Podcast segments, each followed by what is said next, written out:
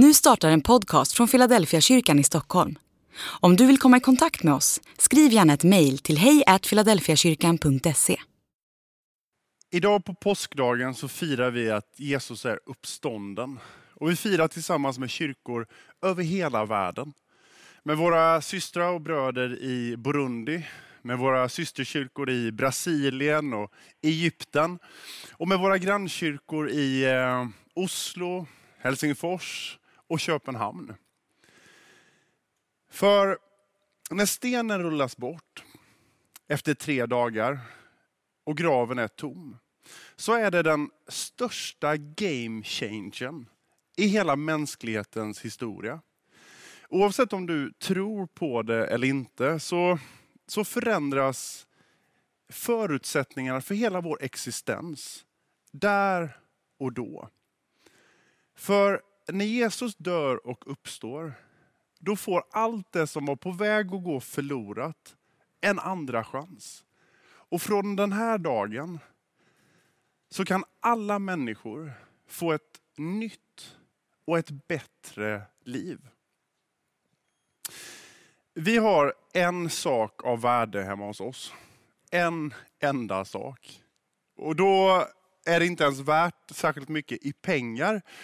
Men allt annat skulle kunna brinna upp imorgon och vi skulle inte bry oss. Förutom den här enda saken. Och det är den här. Den här Kristusstatyn. Visst är den fin? Eh, min fru hon fick den för länge sedan och var vi än har bott så har vi haft med oss den här.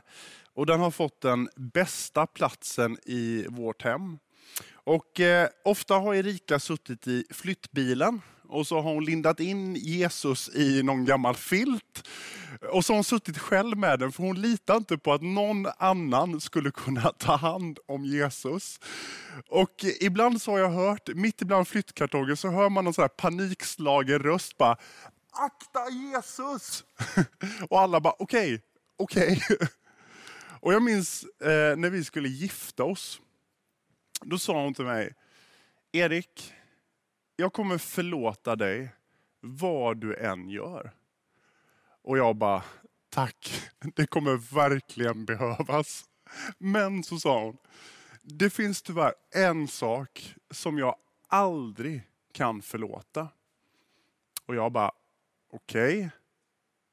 Och så sa hon, det är om du tappar Jesus.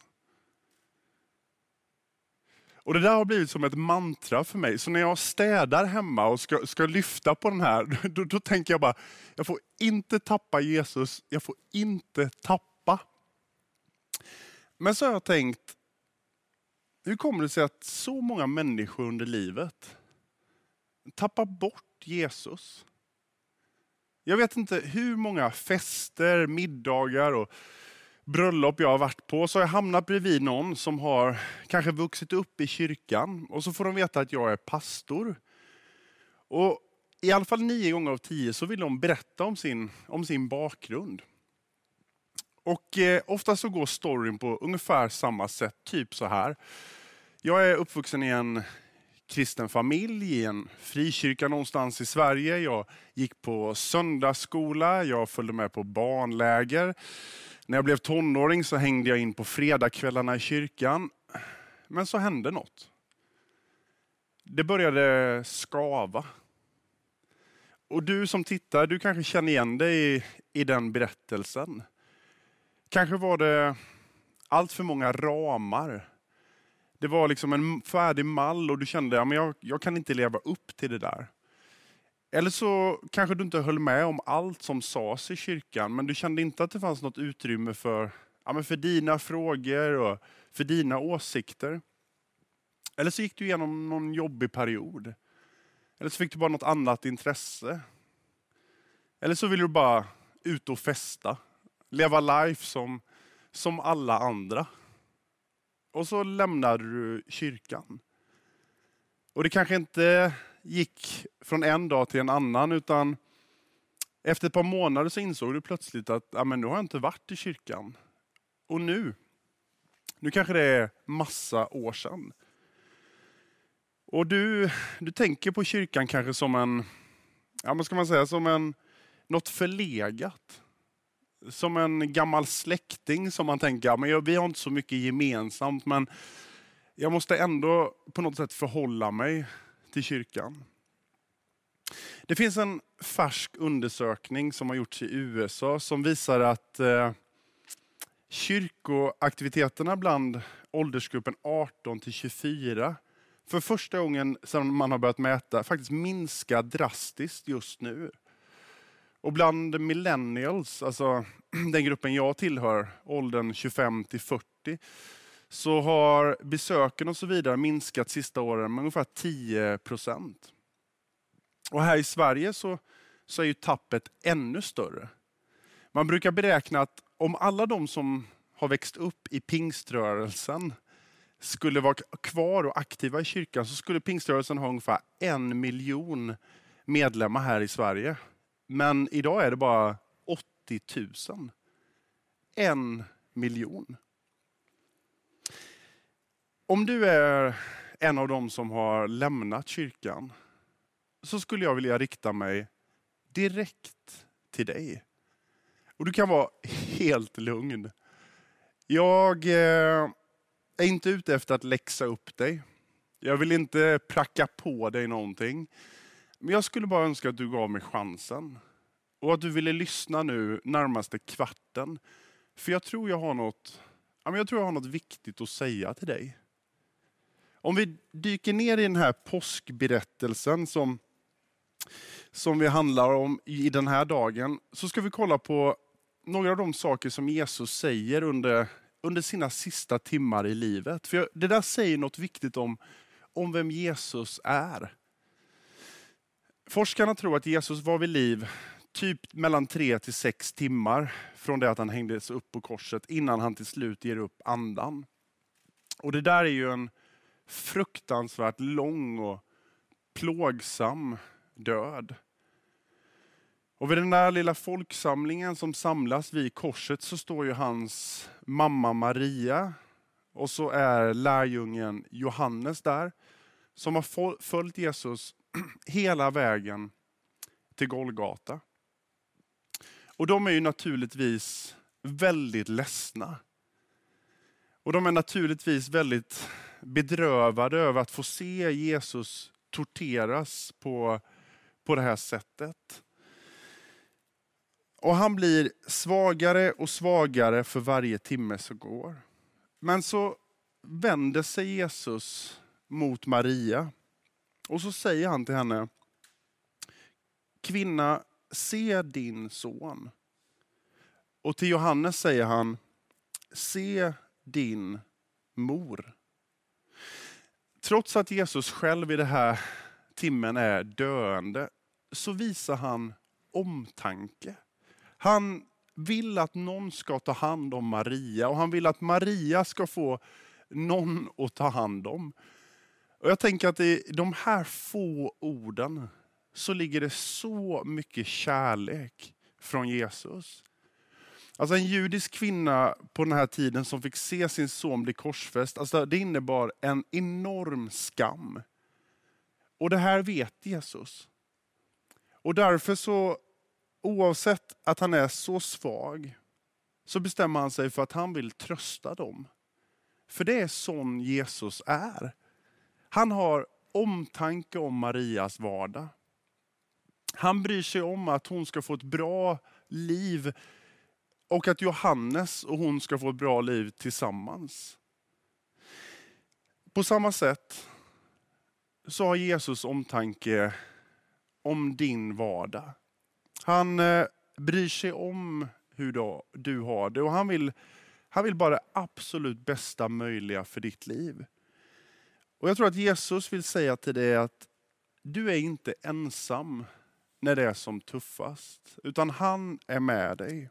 Han vill ge, han vill ge mening åt din vardag. Och han vill ge dig ja, men lugn för din själ. Det andra exemplet på vad Jesus säger, det är ju när den här rövaren, eller den kriminella, som hänger korsfäst bredvid Jesus, när han bara frågar Jesus om, om inte Jesus kan skicka en tanke till honom. när han kommer till sitt rike. Och då svarar Jesus så här. Idag ska du vara med mig i paradiset.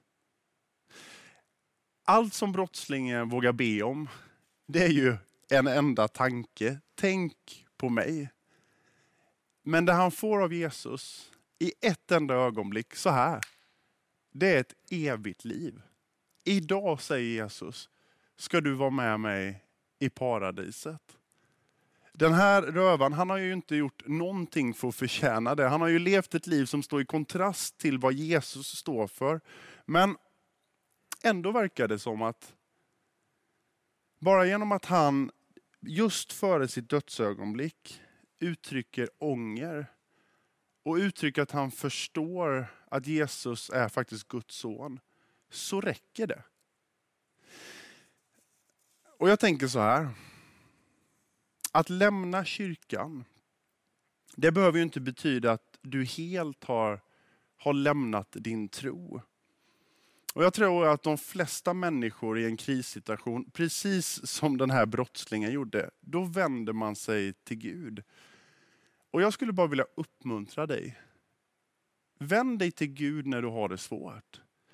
Du kanske tänker att det var så länge sedan jag bad, eh, jag kommer knappt ihåg hur man gjorde och du kanske är osäker på om någon ens lyssnar. Ja, men använd den här rövarens bön. Du kan bara be, tänk på mig Jesus. Tänk på mig nu. Jag hörde en intervju med en eh, känd person som hade vuxit upp i en kristen familj och en frikyrka. Och så berättade han om de positiva erfarenheterna av det. Han hade fått massa bra kompisar och de har haft superkul i kyrkan, i en ganska trygg miljö. Men så skildes hans föräldrar. Och då fick han inte längre ihop verkligheten med kyrkan. Så han drog. Och nu senare i livet så hade han börjat hitta tillbaks till en, till en gudstro som han beskrev det. Men han hade inte börjat gå tillbaka till kyrkan. Och så frågade journalisten honom, har du någonsin pratat med din mamma om varför du lämnade kyrkan? Och så sa han, nej det har jag inte. Även om vi har en väldigt tajt relation, min mamma och jag, så, så har det liksom aldrig bara kommit på tal. Och jag tror att det där är ganska vanligt. Särskilt i de här nära relationerna så finns det ibland en, ja, men en beröringsskräck att tala om det här. Både för de som har lämnat kyrkan och för de som är kvar. För man vill ju inte såra någons känslor. Man vill inte kliva någon på tårna. Men jag skulle bara vilja peppa. Våga tala om det. Alltså ställ frågor. Hur upplevde du din uppväxt i, i kyrkan? Um, hur, uh, hur ser du på den idag? Eh, och om någon är kvar så kan man ju fråga, du som har valt att vara kvar i kyrkan, har din tro förändrats under de här åren eller är den ungefär densamma? Alltså ställ öppna frågor och, och var, beredd, var beredd att lyssna.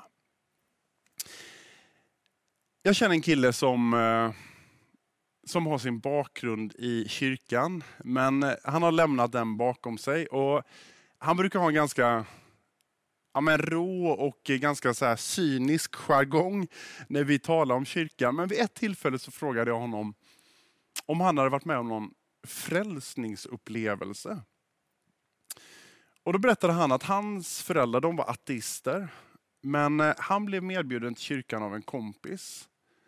Och vid ett tillfälle i kyrkan så kände han hur, hur det blev helt varmt kring hans hjärta.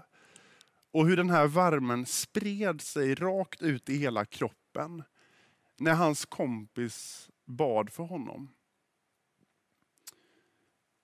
Och Han kände det som att han i den stunden var helt och fullt accepterad. Och så sa han till mig att jag glömmer aldrig det. Det är det finaste som jag någonsin har varit med om.